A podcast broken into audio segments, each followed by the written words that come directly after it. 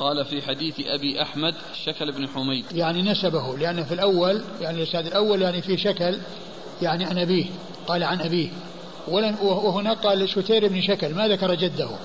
ولكنه ذكر في حديث أحمد وهو الشيخ الثاني الشيخ الشيخ الأول. يعني شيخ الشيخ الأول. يعني شيخ أحمد في الطريقة الأولى. محمد بن عبد الله بن الزبير هو أبو أحمد. هو أبو أحمد ذكره أول بنسبه وأشار إليه في الآخر بكنيته وهو أبو أحمد الزبيري. آه نعم.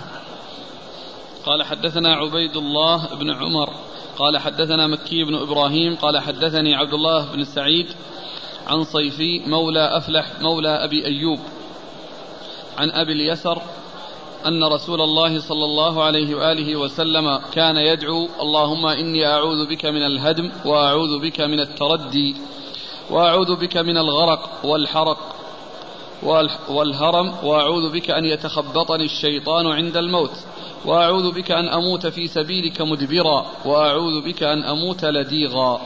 ثم ورد أبو داود رحمه الله حديث أبي اليسر. أبي اليسر رضي الله تعالى عنه أن النبي صلى الله عليه وسلم كان يقول اللهم إني أعوذ بك من الهدم. أعوذ بك من الهدم. يعني آه، سقوط الشيء أو سقوط جدار أو بنيان. يعني لما يعني يحصل بسبب ذلك من ال من ال ال الأضرار التي آه، تلحق الجسم فيعني يصير مقعد أو يعني يحصل له يعني عيب أو يحصل له خلل يعني ضرر كبير يعني في في صحته. فلا يتمكن من أن يأتي بالأمور التي كان يستطيعها قبل أن يحصل له ذلك الضرر. وأعوذ بك. أعوذ بك من, من التردي. وأعوذ بك من التردي يعني السقوط يعني من شاهق يعني سواء من جبل أو من عمارة أو من أي مكان عالي يحصل بسببه التكسر والتأثر وما إلى ذلك. وأعوذ بك من الغرق. وأعوذ بك من الغرق. يعني كل إنسان يعني يصيبه الغرق ويحصل له الغرق يعني نعم. وأعوذ بك؟ والحرق. والحرق يعني كونه يعني يحترق بالنار يعني فيتضرر بذلك. والهرم. والهرم الذي هو الرجوع يعني كون الإنسان تتقدم به السن ويرد إلى أرض العمر. وأعوذ بك أن يتخبطني الشيطان عند الموت. وأعوذ بك أن يتخبطني الشيطان عند الموت. الموت يعني أنه يستولي عليه عند الموت ويعني يصرفه عن ما ينبغي أن يكون عليه ومن العاقبة الحسنة والخاتمة الحسنة. وأعوذ بك. وأعوذ بك أن أموت في سبيلك مدبرا. وأعوذ أن أموت في سبيلك مدبرا يعني فرا من الزحف إلى غير آه، الشيء الذي استثناه الله عز وجل غير متحرف للقتال ومتحيزا إلى فئة. وأعوذ بك أن أموت لديغا يعني عن ذوات السموم. نعم. هذه بعض الأوصاف أما جاء أنه شهيد من مات غريقا أو إلا إلا جاء أنه شهيد لكنه يعني قد يكون المقصود من ذلك أنه يعني إذا بقي يعني في الحياة يعني يحصل له أمورا ما يستطيع أن يصبر معها. فيصير عنده تحسر يصير عنده يعني ضجر وعدم صبر. وإلا يعني قد جاء ما يدل على أنه إذا مات بذلك يكون شهيدا في بعضها. يعني الاستعاذة ليس من أن يموت بهذه الأشياء. يعني هو عام ولكنه يعني الذي يبدو أن أنه يعني ما يحصل بسبب ذلك من أمور لا يتمكن معها من أداء العبادات. وإلا فإن الشهادة تحصل يعني في بعضها ليس في كلها. قال حدثنا عبيد الله بن عمر. عبيد الله بن عمر القواريري وهو ثقة أخرجه البخاري ومسلم وأبو داود النسائي. ثقة أخرجه البخاري ومسلم وأبو داود النسائي. عن مكي بن إبراهيم. عن مكي بن إبراهيم ثقة أخرج له أصحاب كتب الستة. عن عبد الله بن سعيد. عن عبد الله بن سعيد وهو صدوق ربما وهم صدوق ربما وهم أخرج له أصحاب الكتب. أصحاب الكتب الستة. عن صيفي مولى أفلح مولى أبي أيوب. عن صيفي مولى أفلح مولى أبي أيوب وهو ثقة أخرج له مسلم وأبو داود والترمذي والنسائي. وهو ثقة أخرج له مسلم وأبو داود والترمذي والنسائي. عن أبي اليسر. عن أبي اليسر آه كعب بن عمرو. كعب بن عمرو وهو وحديثه البخاري في المفرد ومسلم وأصحاب السنن. أخرج حديث البخاري في المفرد ومسلم وأصحاب السنن. قال حدثنا إبراهيم بن موسى الرازي قال أخبرنا عيسى عن عبد الله بن سعيد قال حدثني مولى لأبي أيوب عن أبي اليسر رضي الله عنه زاد فيه والغم. ثم ورد أبو داود حديث أبي اليسار من طريق ثانية وفيه بالإضافة إلى ما تقدم والغم. يعني وهو ما يصيب الإنسان من الغم. آه نعم. قال حدثنا إبراهيم بن موسى الرازي عن عن عيسى. عن عيسى عن عن عبد الله بن سعيد. مر ذكر الثلاثة. عن عبد الله بن سعيد عن مولى لأبي أيوب عن أبي وكذلك مولى لأبي أيوب الذي هو صيفي. آه نعم. لا شو اسمه هذا الأخير؟ الذي مر في السنة السابق صيفي صيفي مولى. صيفي نعم صيفي. نعم. يعني ذكر أبي أيوب هنا يعني آه فيه تجوز لأنه مولى مولى. نعم. مولى أفلح مولى أبي أيوب. أي نعم. قال حدثنا موسى بن إسماعيل قال حدثنا حماد قال أخبرنا قتادة عن أنس رضي الله عنه أن النبي صلى الله عليه وآله وسلم كان يقول: اللهم إني أعوذ بك من البرص والجنون والجذام ومن سيء الأسقام. ثم ورد أبو داود آه، يعني هذا الحديث عن أنس رضي الله عنه أن النبي صلى الله عليه وسلم كان يقول: اللهم أعوذ بك من البرص والجذام والجنون وسيء الأسقام. البرص يعني يعني كما هو معلوم يعني المقصود منه يعني يعني عاهة تكون يعني دائمة ومستمرة يعني مع الإنسان ليست من الأشياء الطارئة التي تذهب تأتي وتذهب مثل الزكام وغير ذلك وإنما هذا شيء يلازم يعني ومنظر يعني ليس بمستحسن. والجذام آه، كذلك يعني فسر ب يعني بعدة تفسيرات إيش قال في كلام عام يقول قلت يشبه أن يكون استعاذته من هذه الأسقام. لا ما ذكر الجذام. إلا هنا في الشرح. نعم. علة يذهب معها شعور الأعضاء وفي نعم. القاموس الجذام كالغراب نعم يعني علة يذهب معها شعور الأعضاء يعني معناه يمكن يكون مثل مثل الشلل أو يعني الذي يعني نعم.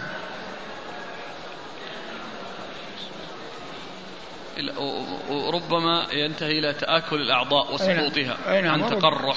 أي نعم. يعني معناه أنه مرض يعني آه، يشوه الخلقة يعني نعم.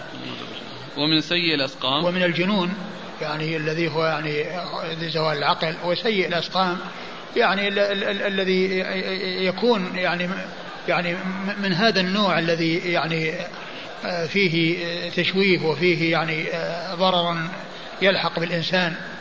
نعم. قال حدثنا موسى بن إسماعيل عن حماد عن قتادة عن قتادة من دعامة السدوسي البصري ثقة أخرجه أصحاب كتب الستة. أنس مر ذكره وهذا من رباعيات أبي داود. نعم. قال حدثنا أحمد بن عبيد الله الغداني. الغداني. الغداني. قال أخبرنا غسان بن عوف قال أخبرنا الجريري عن أبي نضرة عن أبي سعيد الخدري رضي الله عنه أنه قال دخل رسول الله صلى الله عليه وآله وسلم ذات يوم المسجد فإذا هو برجل من الأنصار يقال له أبو أمامة. فقال يا أبا أمامة ما لي أراك جالسا في المسجد في غير وقت الصلاة؟ قال هموم لزمتني وديون يا وديون يا رسول الله. قال أفلا أعلمك كلاما؟ إذا أنت قلته أذهب الله عز وجل همك وقضى عنك دينك. قال قلت بلى يا رسول الله. قال قل إذا أصبحت وإذا أمسيت. اللهم إني أعوذ بك من الهم والحزن وأعوذ بك من العجز والكسل وأعوذ بك من الجبن والبخل وأعوذ بك من غلبة الدين وقهر الرجال. قال ففعلت ذلك فأذهب الله عز وجل همي وقضى عني ديني. ثم ورد أبو داود حديث أبي سعيد الخدري رضي الله عنه أن النبي صلى الله عليه وسلم دخل المسجد وإذا رجل من الأنصار يقال له أبو أمامة فقال ما لي أراك يا أبو أمامة في المسجد في وقت ليس وقت الصلاة؟ فقال هموم لزمتني وديوني يا رسول الله. فقال لا أعلمك كلمات تقولهن إذا أصبحت وإذا أمسيت يعني يزول همك ويقضى دينك فعلمه. أن يقول اللهم أعوذ بك من العجز والكسل والهم والحزن والجبن والبخل والبخل. وأعوذ بك من غلبة الدين وقهر الرجال. وغلبة الدين وقهر الرجال. وهذه كلها جاءت في أحاديث صحيحة مرت بنا يعني في هذا اليوم. كلها يعني هذه الألفاظ وردت في أحاديث صحيحة. ولكن القصة ويعني ما جرى فيها هذا يعني جاءت من هذا الطريق وفيه من يعني لا من لا يحتج به يعني من لا يصح الاحتجاج به. يعني وعلى هذا والألباني رحمه الله ضعف هذا الحديث. ولعل التضعيف إنما هو ل... يعني للقصة وما يعني وما يتعلق بها. وأما بالنسبة لمتن الحديث وما فيه من ألفاظ فكل الألفاظ التي فيه جاءت في أحاديث صحيحة ثابتة عن رسول الله صلى الله عليه وسلم وقد سمعناها في هذا اليوم. نعم. وكذلك في الصباح والمساء كل ال ال كل يعني الأشياء التي هي غير غير الألفاظ التي آه، استعيذ منها. لا لا لأنه ما ثبت قال حدثنا أحمد بن عبيد الله الغداني. أحمد بن عبيد الله الغداني هو صدوق أخرجه البخاري وأبو داود. صدوق أخرجه البخاري وأبو داود. عن غسان بن عوف. عن غسان بن عوف وهو لين الحديث وهو لين الحديث. هذا هو الذي يعني ضعف به الحديث. أخرج له أبو داود. أخرجه أبو داود وحده. عن الجريري. عن الجريري هو سعيد بن إياس الجريري ثقة. أخرج له أصحاب الكتب. نعم. أخرج أصحاب الكتب الستة. عن أبي نضرة. عن أبي نضرة وهو مالك المنذر بن مالك بن قطعة وهو ثقة أخرجه البخاري تعليقا ومسلم وأصحاب السنن. عن أبي سعيد. عن أبي سعيد الخدري سعد بن مالك بن سنان الخدري رضي الله عنه صاحب رسول الله صلى الله عليه وسلم وأحد السبعة المعروفين بكثرة الحديث عن النبي صلى الله عليه وسلم. و إلى هنا ينتهي كتاب الصلاة الذي هو الكتاب الثاني من كتب أبي داود رحمه الله. والإمام أبو داود رحمه الله يعني ذكر بعده الزكاة ثم بعد الزكاة المناسك. وذكر بعد ذلك كتبا أخرى النكاح وغيره ثم أتى بكتاب الصيام يعني بعد النكاح وبعد كتب أخرى. فترتيبه يعني آه يعني يختلف لا سيما وكونه يؤخر الصيام إلى ما بعد النكاح. وأيضا جرت عادة المؤلفين يعني من المحدثين والفقهاء غالبا أن يذكروا كتاب الجنائز. يعني يأتوا بصلاة الجنائز يعني في آخر الصلاة. وأبو داود ما ذكره هنا وإنما ذاك أورده في باب كتاب مستقل بعد خم... في الباب الكتاب الخامس عشر بعد يعني كتب كثيرة. كتاب الجنائز.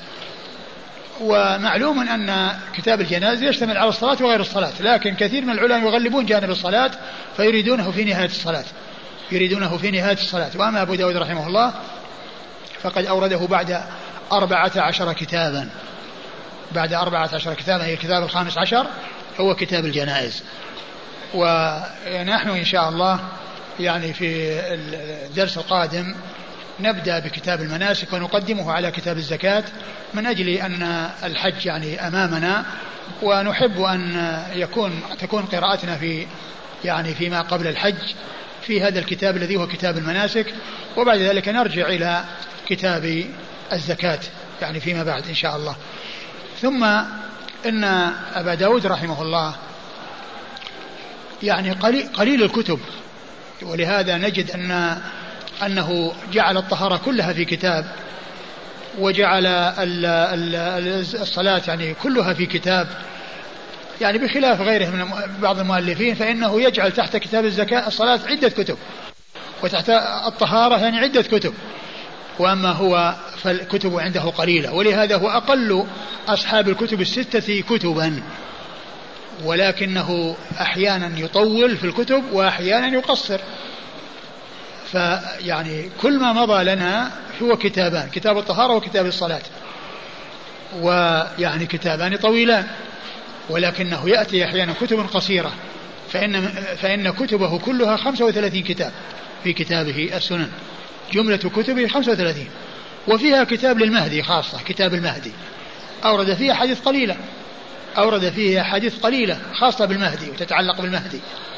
يعني فأحيانا يأتي مع أن كتبه قليلة وهي أقل أصحاب الكتب الستة أقل الكتب الستة يعني في عدد الكتب وهي 35 إلا أنه أحيانا يعني يطول في بعض الكتب وأحيانا يقصر ويأتي بأحاديث قليلة كما أشرت يعني في كتاب المهدي. ويلي أبا داود في قلة الكتب ابن ماجه فإن كتبه سبعة, وثلاثين. الكتب التي اشتمل على كتابه عليها كتابه 37 ويليه بعد ذلك الترمذي كتب خمسين. خمسين كتابا في كتابه السنن أو الجامع. ويليه النسائي واحد وخمسين. ثم يليه مسلم أربع وخمسين. ثم يليه البخاري سبع وتسعين. سبعة وتسعون سبعة وتسعين كتابا. يعني وعلى هذا فالكتب الستة يعني منها من يعني يكثر الكتب كالبخاري ومنهم من يقللها كأبي داود وأكثر أصحاب وأكثر الكتب الستة كتبا هو البخاري حيث بلغت كتبه 97 وأقلها آه، أبي كتاب أبي داود حيث بلغت كتبه خمسة وثلاثين. والله تعالى أعلم وصلى الله وسلم وبارك على عبده ورسوله نبينا محمد وعلى آله وأصحابه أجمعين. كتاب الصلاة. هل يفهم من ذلك أبو داود آه، يريد أن في الصلاة؟ والله يعني يمكن أن يقال إنه يعني إنه يعني يدعى بها في الصلاة وفي غيرها لكن يعني هكذا يعني لأنه ذكر الدعاء أيضا. الدعاء والاستعاذة وكذلك الاستغفار كل هذه أبواب ختم بها كتاب الصلاة.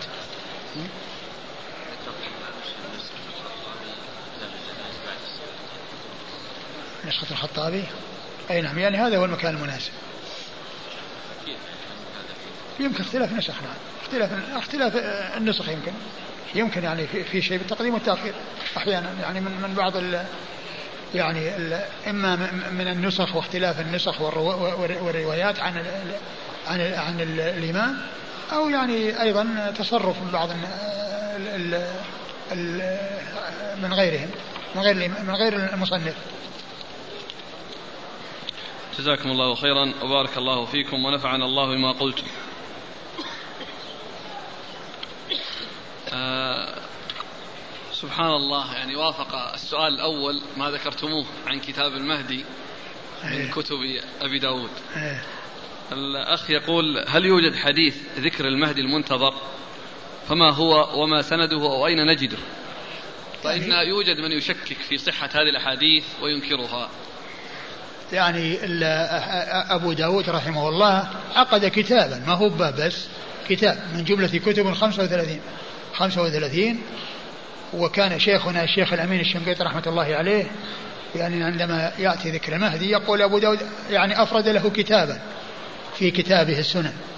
أبو داود خصه بكتاب وأفرد يعني أحاديثه بكتاب ويعني الحديث ورد في المهدي أحاديث كثيرة. يعني بلغت حد التواتر المعنوي. وقد يعني يعني جاء عن 24 صحابيا أو 25 صحابيا. يعني كلهم يرون الأحاديث المتعلقة بالمهدي.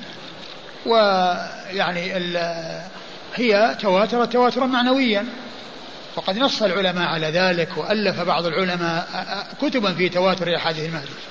وأن حديث متواترة أو نصوا على أنها متواترة وألفوا مؤلفات خاصة به. نعم. الأخ يسأل يقول ما معنى قول الله تعالى ومن يعظم شعائر الله فإنها من تقوى القلوب وهل يدخل في شعائر الله القرآن؟ لا شك هذا من شعائر الله يعني كونه يعظم لكن ال ال ال الآية جاءت يعني فيما يتعلق بالحج والمناسك وما إلى ذلك لكن لا شك هذا من تعظيم القرآن من تقوى القلوب لا شك.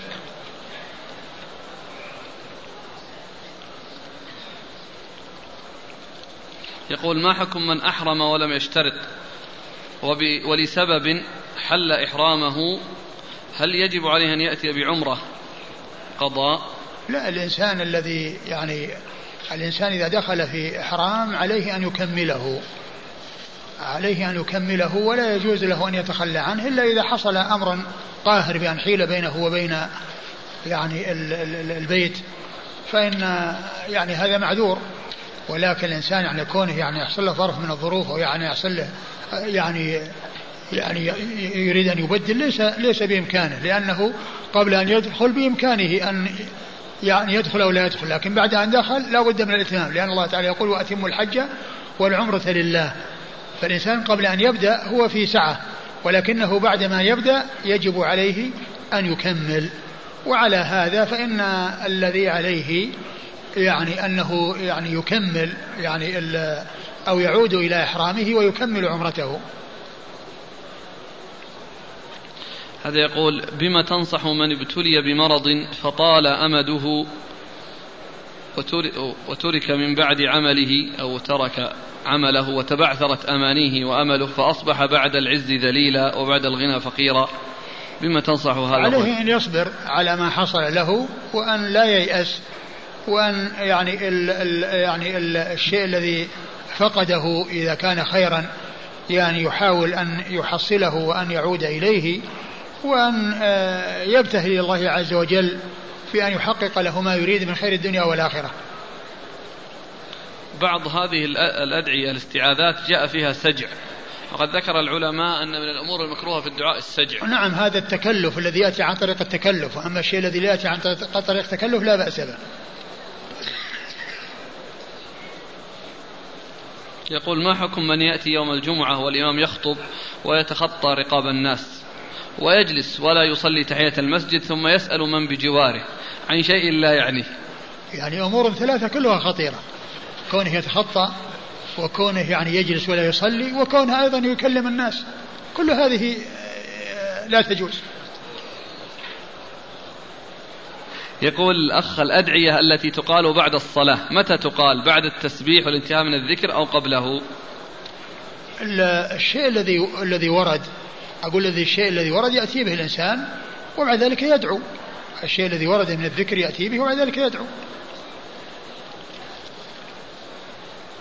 يقول هذه الأدعية في الاستعاذة هل ممكن أن يقدم الإنسان ويؤخر في ألفاظها؟ يعني ينبغي الإنسان أن يحافظ عليها وهي في, في بعضها فيها تقديم وتأخير بالنسبة للأحاديث. في بعض الأحاديث تجدها تأتي وبعضها مقدم على بعض. وكون الإنسان يعني يحفظ له نصا يعني من أصح ما كان من أصح ما ورد ويأتي به كما كان هو الذي ينبغي الإنسان وإذا ما يعني حفظ ولكنه أتى بها ويعني قدم وأخر فإن ذلك لا بأس به. في الحديث أن أفضل صفوف النساء آخرها. فهل معنى هذا أنه ينبغي للمرأة أن تبدأ بالصف الآخر؟ لكي يحصل لها هذا الأجر؟ نعم إذا كان الرجال إذا كان الرجال يعني الموجودين وقريبين من النساء فإن كونها تكون في الآخر لا شك أنه هو الأفضل لها. وأما إذا كان هناك جدار ويعني ساتر والرجال لا يرون النساء والنساء لا ترى الرجال والأصوات لا تصل من النساء للرجال ولا أصوات الرجال للنساء فإن فإنهن يأتين للصف الأول.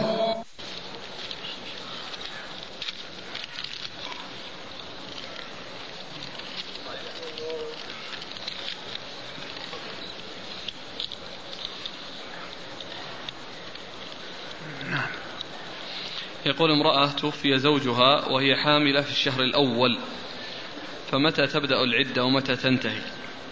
هل أربعة أشهر وعشرا كل حامل كل حامل عدتها وضع الحمل. يعني سواء كانت عدة وفاة أو عدة طلاق. وسواء طالت المدة أو قصرت يمكن أن تكون ليلة واحدة أو ساعة ويمكن أن تكون يعني آه، أكثر من تسعة أشهر. إذا سأل من هو حديث عهد بإسلام عن حكم الغناء. مثلا هل نقول له بأنه مكروه من باب التدرج؟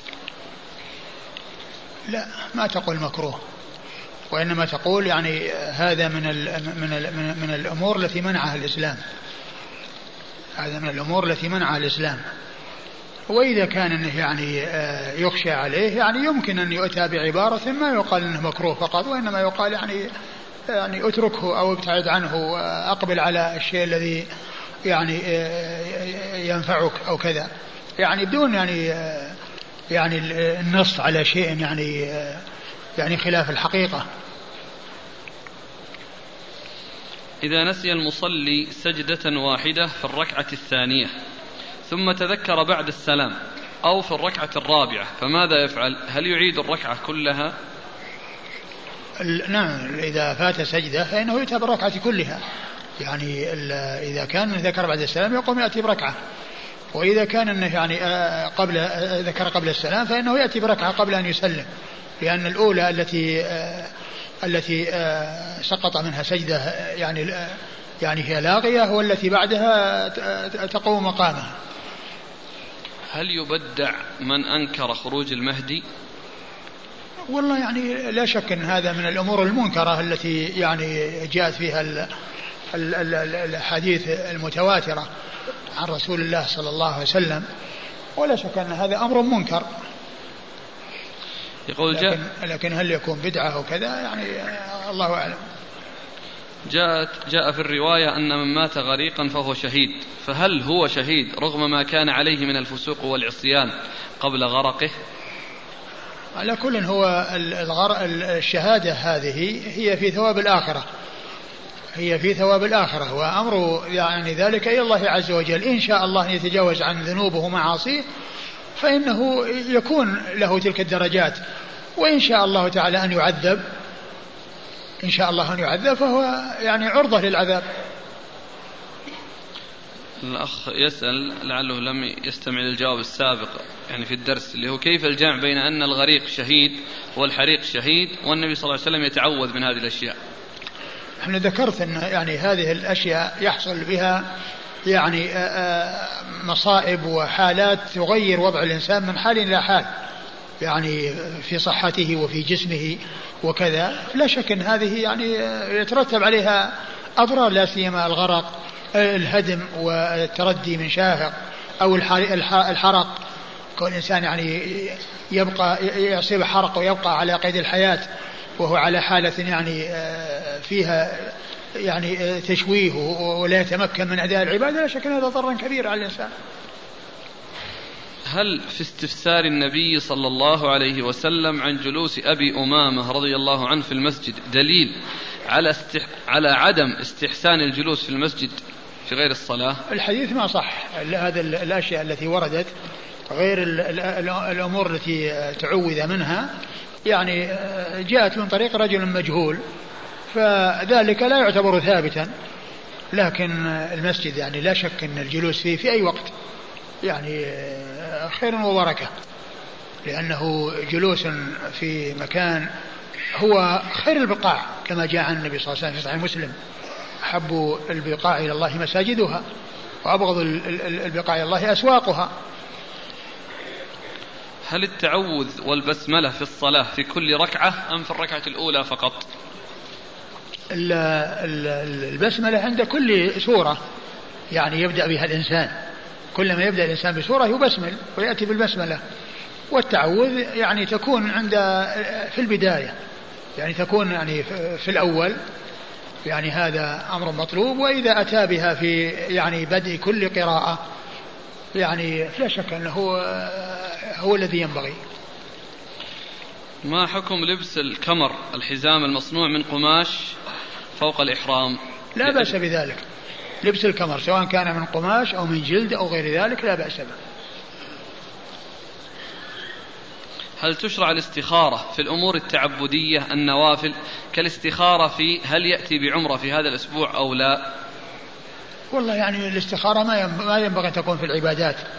يعني كل إنسان يستخير هل يعتمر يعني في هالأسبوع أو غير الأسبوع يعني يعقد العزم ويتوكل على الله عز وجل. وإذا كان عنده مشاغل هالأسبوع يعني يعقد العزم على أن يذهب في الأسبوع الآتي وهكذا. نرجو منكم يا فضيلة الشيخ حفظكم الله توجيه نصيحة لأصحاب الجوالات الذين يتركون جوالاتهم ترن في المسجد ومعها صوت الموسيقى. أولا وضع صوت الموسيقى فيها سواء كان في المسجد أو غير المسجد هذا لا يصلح. ولا يليق. وأما إذا كان خالي من صوت الموسيقى وإنما هو صوت المنبه الذي لا بد منه في استعمال الجوال فالإنسان إذا دخل المسجد يقبله يقفله حتى لا يشوش عليه ولا على الناس. وبعض الناس تجده يعني إذا إذا حصل أنه أنه ما أغلق الجوال وجعل يدق يتركه يستمر في الدق حتى ما يروح يعني يعمد إلى أنه يوقفه يعني لأن حركته يعني كونه يذهب ويوقفه يعني أخف من كونه يتركه يرن يعني دقائق أو يعني وقت والناس يعني يسمعون هذا الصوت الذي يزعج ويلفت الأنظار.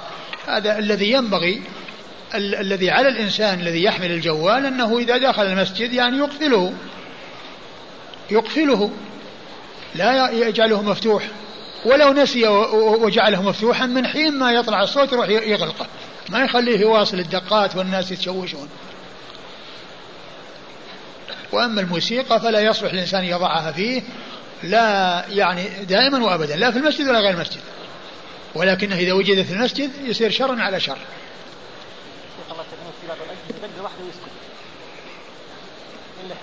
والله على كل هذا أمر أسهل ولكن كونه يقف لا أحسن. هو الذي ينبغي حتى ولو دقة واحدة. لكن إذا كان دقة واحدة أهون شر. يقول عن رسول الله صلى الله عليه وسلم أنه يعني أهون شرا في المسجد. نعم. إن من شرار الناس من تدركهم الساعة وهم أحياء الحديث. وقال الله إن الأرض إن الأرض لله يورثها من يشاء. هذا كاتب آية عجيبة. فهو يستشكل الآن. كيف تدرك تقوم عليهم الساعة والأرض يورثها الله ربنا جل وعلا من يشاء. أي وإيش وإيش الإشكال فيها؟ يعني الله تعالى يعني جعل هؤلاء هم الذين يكونون في الأرض في ذلك الوقت وهم شرار الناس. هذا ذكر حديث يقول أن النبي صلى الله عليه وسلم كان يقول دبر كل صلاة اللهم آتنا في الدنيا حسنة وفي الآخرة حسنة وقنا عذاب النار. يقول ما معنى الدبر هنا؟ هل كما جاء في سورة يوسف واستبق الباب وقدت قميصه من دبر يعني نحن من ذكرنا فيما مضى أن كلمة الدبر تأتي ويراد بها ما قبل الصلاة ويراد بها ما بعد الصلاة. ولكن إذا جاء شيء يدل على ما بعد الصلاة سير إلى بعد الصلاة مثل تسبحون وتهللون وتكبرون دبر كل صلاة 33 هذه ما يأتي بها قبل السلام. هذه يأتي بها بعد السلام لأن محلها بعد السلام. كل إنسان يسبح 33 ويحمد 33 ويكبر 33 ويقول تمام لا إله إلا الله لا شريك له جاء في الحديث دبر كل صلاة. فالدبر هنا يراد به ما بعد السلام. وأحيانا يأتي يراد به ما قبل السلام. وأحيانا يكون مطلق. جزاكم الله خيرا. يقول السائل فضيلة الشيخ ما حكم من لا يقرأ بفاتحة الكتاب في الركعات الجهرية خلف الإمام ناسيا؟ ليس عليه شيء إن شاء الله. الإنسان الذي يعني لم يقرأها ناسيا ليس عليه شيء. والشيخ عبد العزيز بن باز رحمة الله عليه يعني ذكر ذلك يعني في بعض فتاواه المطبوعة. ما حكم من كان عليه قضاء من رمضان؟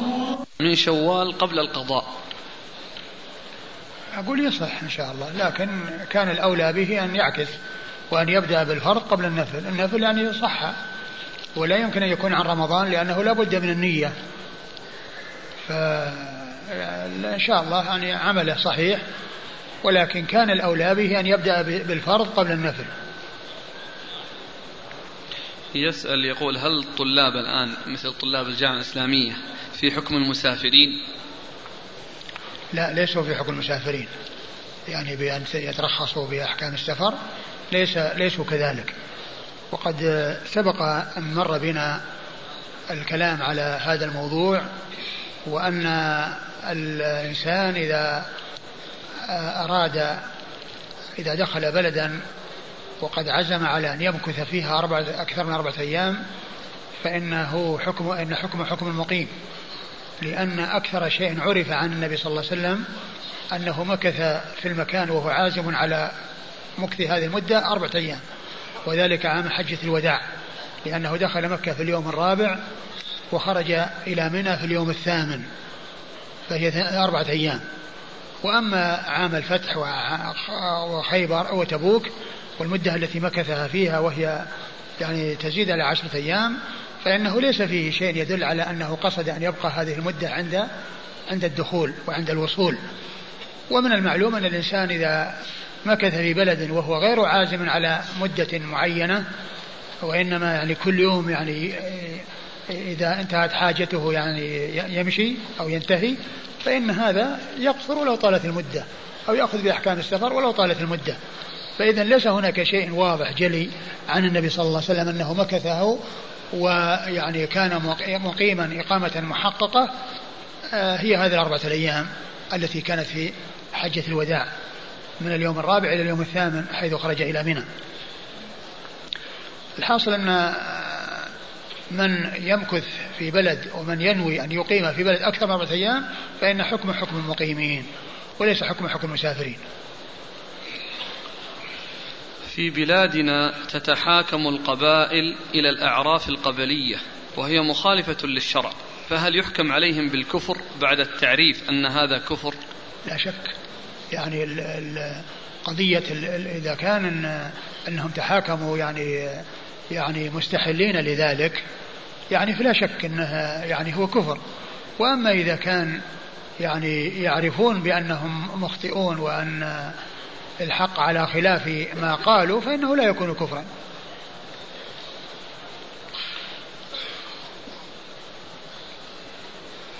يقول ما هي الضوابط في المصالح المرسلة؟ هل هي داخلة في أمور العبادة أو في الأمور الدنيوية فقط؟ لا هي ليست خاصة في أمور الدنيا. يعني ف يعني بعض العلماء يقول أن يعني أن جمع القرآن جمع عثمان رضي الله عنه القرآن هو من المصالح المرسلة. لأن أبو بكر رضي الله عنه توقف وقال لا أفعل شيء ما فعله الرسول صلى الله عليه وسلم اللي هو جمع القرآن وكتابة القرآن.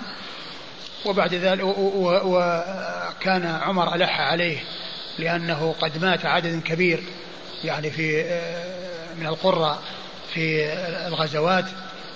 ف يعني طلب أو يعني اقترح عليه أن يجمع القرآن حتى لا يضيع بضياع يذهب بذهاب حملته.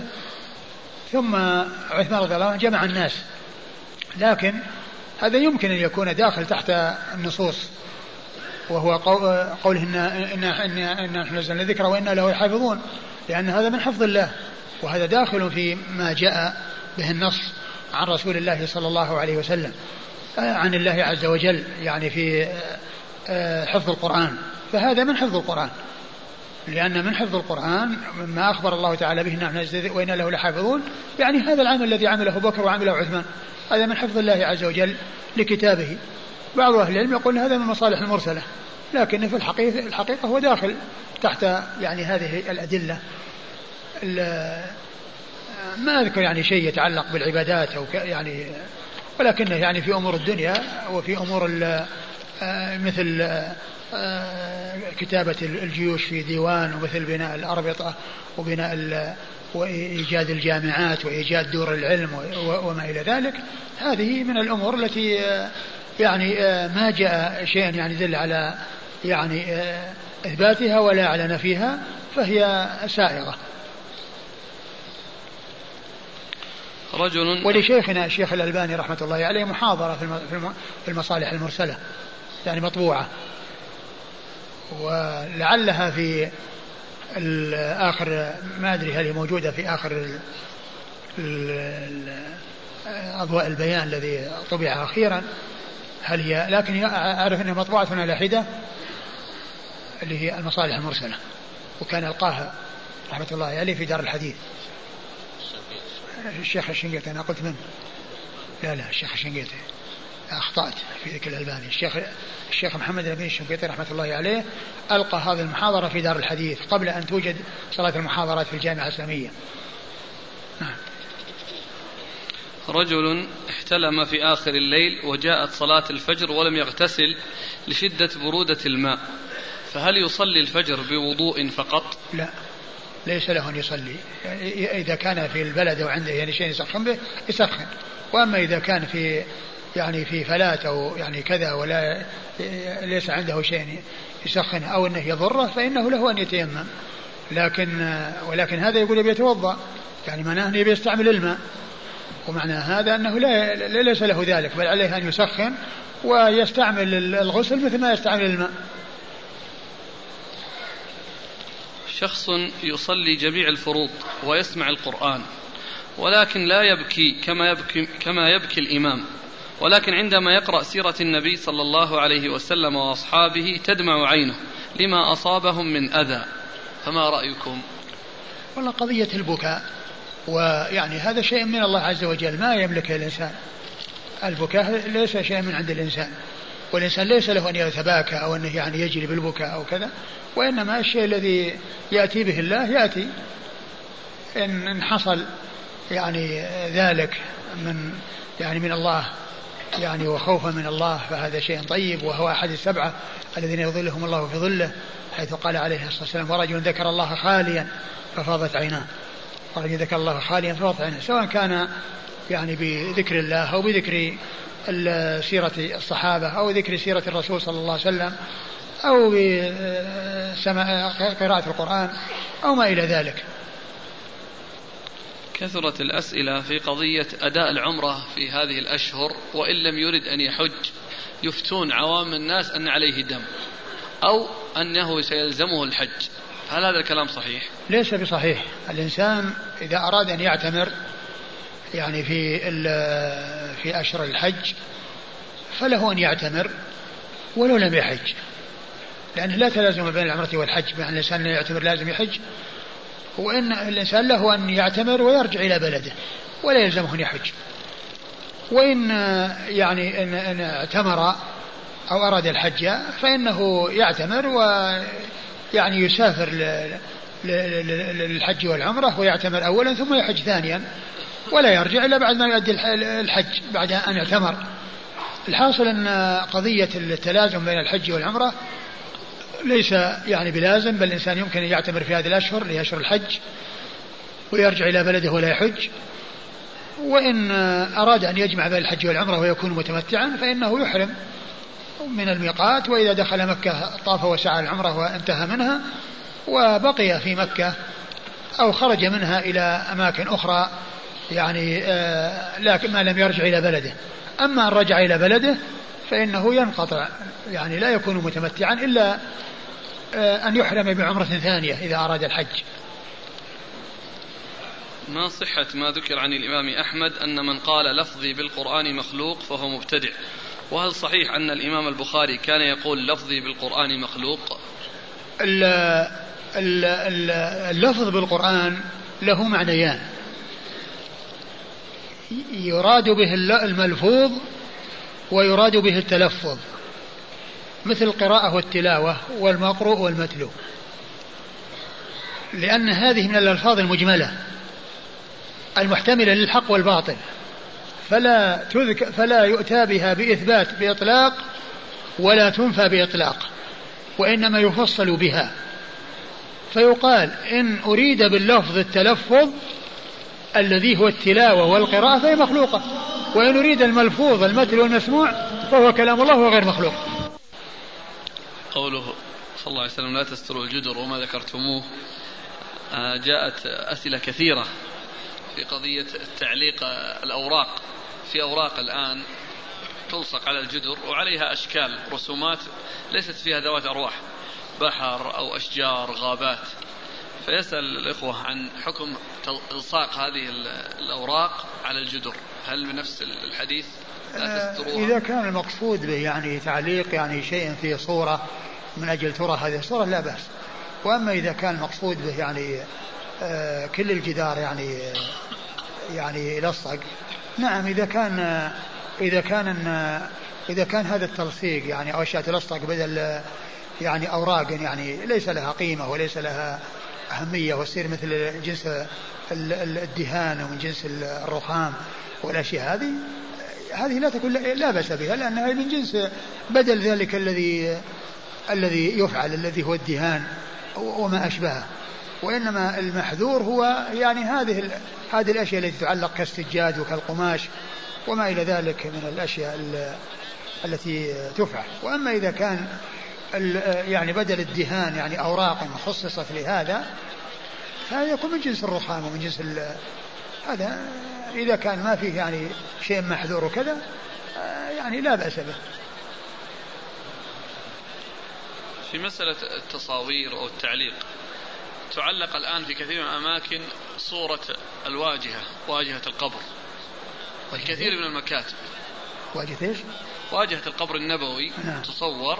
وتوضع يعني كصورة نعم. يقولون هذه ليست صورة ذوات أرواح فما حكم تعليقها والله يعني ال ال تصوير القباب والأشياء التي يعني أحدثت يعني بعد ذلك هذا ما ما يصلح ولا ينبغي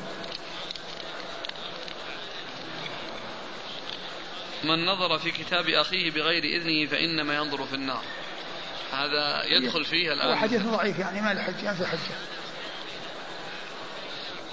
أنتم ذكرتم أنه من الأدب أنه ينبغي الاستئذان. لكن الآن في مجالس العلم كون أحد الطلاب ليس معه كتاب والآخر زميله معه كتاب فاتح. أبد إذا كان أنه يأذن له ما في بأس. لابد من الاستئذان؟ إذا كان أذن له أو أنه يعني آه يعني آه يعني ما يعني وجد منه مانع وما وجد منه يعني تأثر آه لا بأس بذلك. وإنما المحذور يعني كونه يعني ما يعني لا يرضى لأنه قد يكون يعني يضايقه. فإذا كان يضايقه أو أنه يجد منه مضايقة يعني يبتعد وإذا كان أنه طلب منه أو أنه قرب الكتاب إليه مشعرا له برغبته في مشاركته هذا إذن. أو كونه يقول تعال يعني شاركني أو تعال انظر لا بأس. آه يعني نحن عن الذكر والتسبيح. وأنتم تعلمون أن هذا مدخل لكثير من الطرقية وأهل البدع. نعم. السائل يقول لو أن الإنسان أراد أن يتخذ لنفس لنفسه وردا معينا يلزم نفسه به. أكثر مما ورد. مثلا أن يصلي على النبي صلى الله عليه وسلم كل يوم ألف مرة. ألزم نفسه بذلك. وإذا فاته قضاه هل له ذلك؟ لا ما يصلح. يعني يلتزم بما جاءت به السنة. يعرف ما جاء عن الرسول صلى الله عليه وسلم من الأذكار والأدعية ويأتي بها الشيء الذي يؤتى مرة يأتي به مرة واللي يأتي به ثلاث يأتي به ثلاث واللي يأتي به أربع يأتي به أربع ومع ذلك يصلي بدون حساب. يصلي بدون حساب. يأتي بالشيء الوارد وما عدا ذلك فإنه يذكر الله في جميع أحيانه من غير أن يعد وأن يلتزم شيئا معينا. يعني يلتزم بما ورد. والشيء الذي ما ورد لا يلتزم به وإنما يعني يكون بإطلاق. يعني يذكر الله و في جميع أحيانه ولا يزال لسانه رطبا من ذكر الله ويكثر من الصلاة على الرسول صلى الله عليه وسلم. لا سيما في يوم الجمعة وليلة الجمعة. وأما كونه يعني يلزم نفسه بأوراد يعني يعني آه ألف وحد والخمسين ألف وما إلى ذلك يروح وقته كله وهو يعد السبحة. يعني بهذه الآلاف ويترك الوارد ويترك المشروع. هذا ما يصلح. من حيث التحديد بعدد هل جاء في النصوص الشرعية ذكر أكثر من مئة؟ ما أذكر. يقول السائل هل معنى الاستواء في اللغة يلزم أن المستوي متصل بما يستوي عليه؟ بالنسبة يعني للمخلوقين يعني معلوم أنه يعني لابد من الاتصال وأما بالنسبة لله عز وجل فالكيفية لا نعقلها. الله تعالى يعني فوق العرش وهو عال عليه ويعني قضية اتصال وعدم اتصال هذه لا نتكلم بها. هل يجوز اتخاذ صورة صورة الكعبة كما توجد في السوق بشكل كبير لتوضع على الجدار؟ على الجدار؟ صورة يعني موجود تباع صورة الكعبة. والله ما يعني ما هي الفائدة من وراء ذلك؟ يعني هذا من جنس الآيات التي تعلق والأحاديث التي تعلق وتكون حجة على الإنسان. يعني يكون أمام عينيه العبر والعظات ومع ذلك لا يعتبر ولا يتعظ. يعني ترك ذلك لا شك أنه هو الأولى. يقول الأخ ذكر ابن كثير رحمه الله في البداية والنهاية في ترجمة المتنبي وذكر له شعر وهو يا من ألوذ به فيما أؤمله ومن أعوذ به مما أحاذره. لا يجبر الناس عظما أنت كاسره ولا يهيضون عظما أنت جابره قال ابن كثير وقد بلغني عن شيخنا العلامة شيخ الإسلام أحمد بن تيمية رحمه الله أنه كان ينكر على المتنبي هذه المبالغة في مخلوق ويقول إنما هذا لجناب الله سبحانه وتعالى. يقول وهذا, وهذا يقول في مخلوق ما يقول في الله كل هذا الآن نقل عن البداية والنهاية. أيوه. يقول الكلام لابن كثير وأخبرني العلام بن القيم رحمه الله أنه سمع الشيخ تقي الدين ابن تيمية يقول ربما قلت هذين البيتين في السجود أدعو الله بما تضمناه من الذل والخضوع. السؤال هل هذا الفعل جائز وهو أن يدعو الإنسان؟ وش البيتين؟ هذان. يا من ألوذ به فيما وهو هناك قال يقول مخلوق. هو يقول هو ينكر على المتنبي. يقول هذا لا لا يصلح أن يقول في المخلوق. كان ينبغي أن يكون لجناب الله. وهو كان قال في المخلوق هو؟ يعني يقول في مخلوق ما قاله في الله؟ ينبغي تراجع الترجمة في البداية والنهاية. نعم. السؤال هل هذا الفعل جائز وهو أن يدعو الإنسان بهذين البيتين أو غيرهما مما فيه معاني الذل والخضوع؟ الإنسان يحرص على أن يأتي بالأدعية الشرعية وما ورد عن الرسول صلى الله عليه وسلم. كل إنسان يعني يدعو الله بما شاء من غير أن يكون في محذور لا بأس. لكن كون الإنسان يعني ما يأتي بألفاظ الوحي وألفاظ الرسول صلى الله عليه وسلم هو على خطر. احتمال الزلل واحتمال الخطأ. ولا شك أن كون الإنسان يحرص على أن يأتي بشيء مأمون الجانب. ومأمون العاقبة وفيه العصمة وهو كلام المعصوم صلى الله عليه وسلم لا شك أن هذا هو الذي فيه السلامة. وأما كل إنسان يعني يأتي ويدعو الله عز وجل ما يريد من خير الدنيا والآخرة بألفاظ يريدها وبهذا لا بأس بذلك. لكن كون الإنسان يعني يأتي يترك النصوص ويأتي بأشياء يعني قد يقع في الزلل ولهذا كون الإنسان يحافظ على ألفاظ الشرع أولى يعني من هذا. ولا شك إذا كان هذا الكلام قاله في يعني في يعني في مخلوق هذا من يعني من, من, من أعظم الباطل وهذا لا يليق إلا بالله سبحانه وتعالى. ويعني يشبه هذا قول البوصيري. يعني يقول يا أكرم الخلق ما لي من ألوذ به سواك عند حلول الحادث العمم. إن كنت أخذ إن لم تكن أخذا بيدي فضلا وإلا فقل يا زلة القدم فإن من جودك الدنيا وضرتها ومن علومك علم اللوح والقلم. هذا كلام لا يليق إلا بالله سبحانه وتعالى. وأنا يعني ذكرت كان عندي شرح حديث لا تط... آه... ما أدري لا تطروني كما أطرت النصارى في العشرين حديثا من صحيح البخاري أو عند حديث في صحيح في عشرون حديثا من صحيح مسلم. ذكرت أشرت إلى يعني هذا الكلام الذي قاله البصيري وقلت لو قال مخاطبا ربه يا خالق الخلق ما لمن ألذ به سواك عند حلول الحادث العممي يعني كان مصيبا وكان يعني أتى بما هو حق. بدل يقول ما أكرم الخلق يقول يا خالق الخلق يخاطب الله. بدل ما يقول يا أكرم الخلق ما لمن ألذ به سواك عند حلول الحادث العممي يقول بدلها يا خالق الخلق يخاطب الله عز وجل. لأن هذا الكلام لا يليق إلا بالله سبحانه وتعالى. وهو الذي من جوده الدنيا والآخرة سبحانه وتعالى. نعم.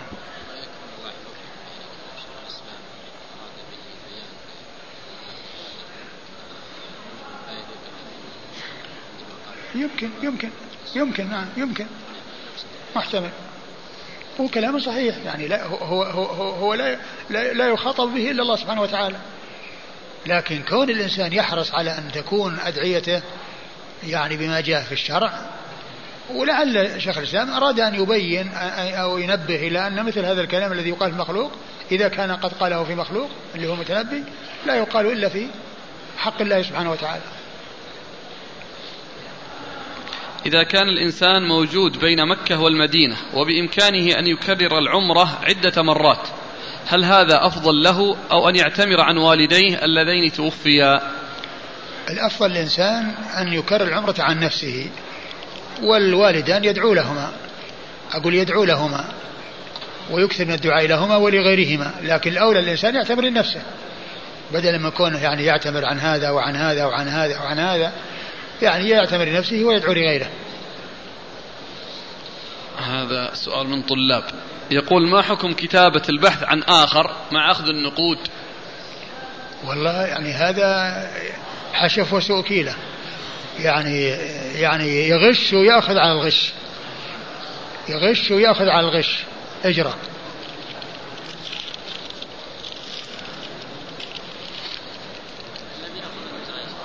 ولو لم يأخذ أجرة كله لا يجوز لأنه يبقى الغش وتروح النقود والأجرة. لا يجوز ذلك.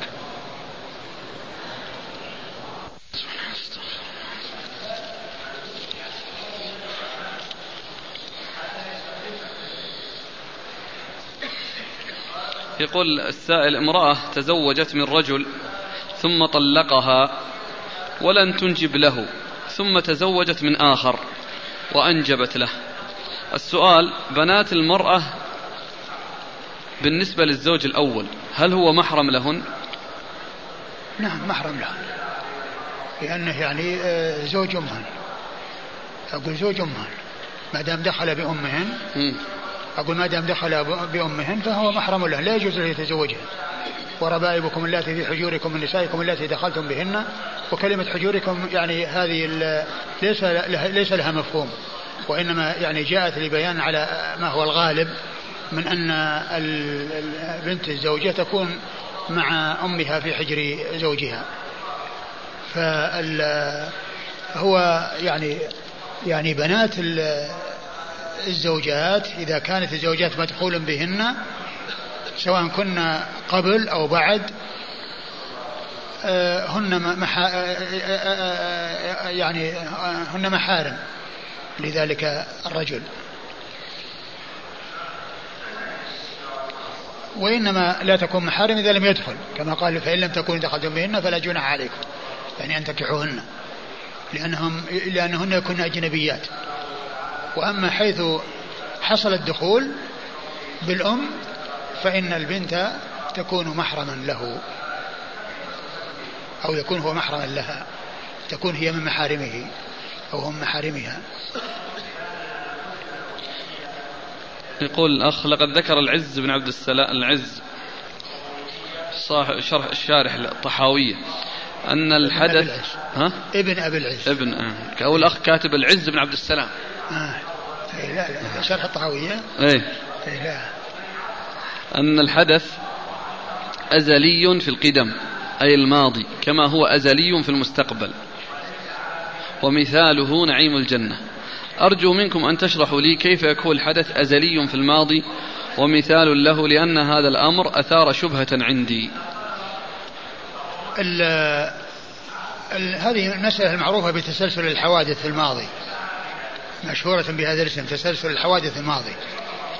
يعني يعني آه، بعض أهل العلم شيخ الإسلام ابن تيمية وغيره يقولون أن يعني أن أن أن المقصود يعني بكون الماضي يعني معناه أن الله لم يكن معطلا عن الفعل ثم فعل.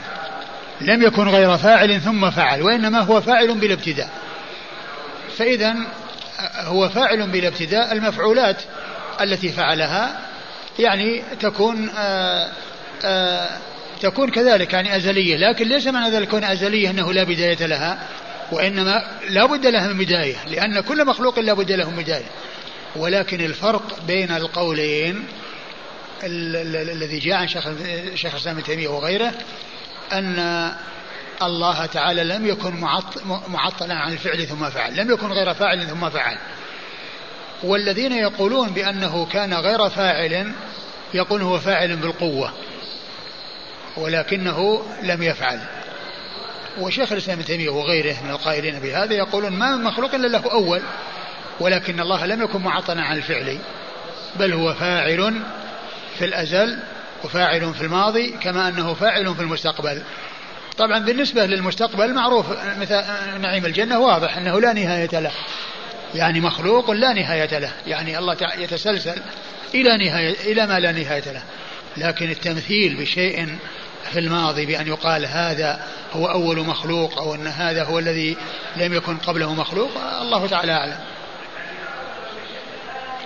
هل يجوز للإنسان أن ينتفع بمال حصل عليه من بعض إخوانه وهو يعلم أن أصل هذا المال ربا وهو يحتاج إلى هذا المال؟